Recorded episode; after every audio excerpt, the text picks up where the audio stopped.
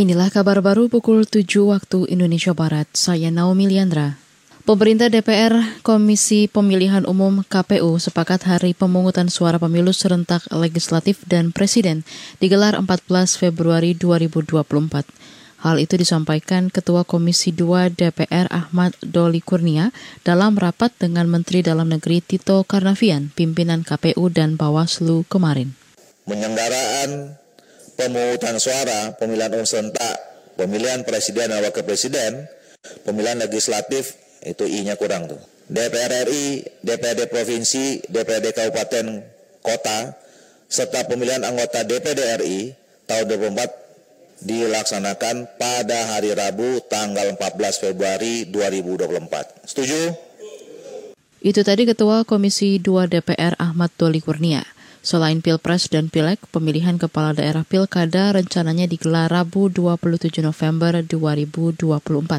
Sedangkan terkait tahapan, program dan jadwal penyelenggaraan pemilu 2024 akan ditetapkan setelah dilakukan pendalaman oleh DPR, pemerintah, dan penyelenggara pemilu. Markas Besar Kepolisian mengklaim sepanjang tahun lalu operasi gabungan Satuan Tugas Satgas Nemangkawi sudah mengambil alih empat kem atau markas kelompok bersenjata atau KKB di Papua. Kapolri Listio Sigit Prabowo mengatakan, selama operasi Nemangkawi tahun lalu, Satgas yang merupakan pasukan gabungan TNI Polri menangani 61 anggota KKB. Keberhasilan penegakan hukum ini disertai dengan pencapaian yaitu mengambil alih empat lokasi kem atau markas KKB dan menggagalkan empat rencana gangguan Kamtimas, termasuk di antaranya adalah rencana untuk mengganggu kegiatan pembukaan PON 20 tahun, tahun 2021 di Papua. Itu tadi Kapolri Listio Sigit Prabowo. Masa operasi Satgas Nemangkawi berakhir pada 25 Januari 2022. Selanjutnya, Markas Besar Kepolisian menyelenggarakan dua operasi berbeda di Papua. Di antaranya operasi Damai Kartens digelar lima kabupaten yang dianggap rawan gangguan kelompok KKB dan operasi Rasaka Kartens di 24 kabupaten kota lainnya.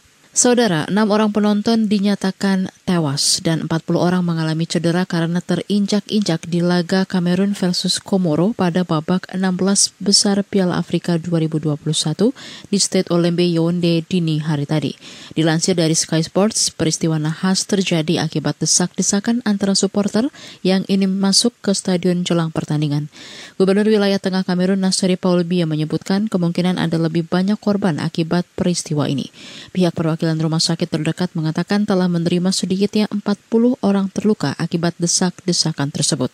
Pada pertandingan ini Kamerun keluar sebagai pemenang dengan skor tipis 2-1 atas Komoro.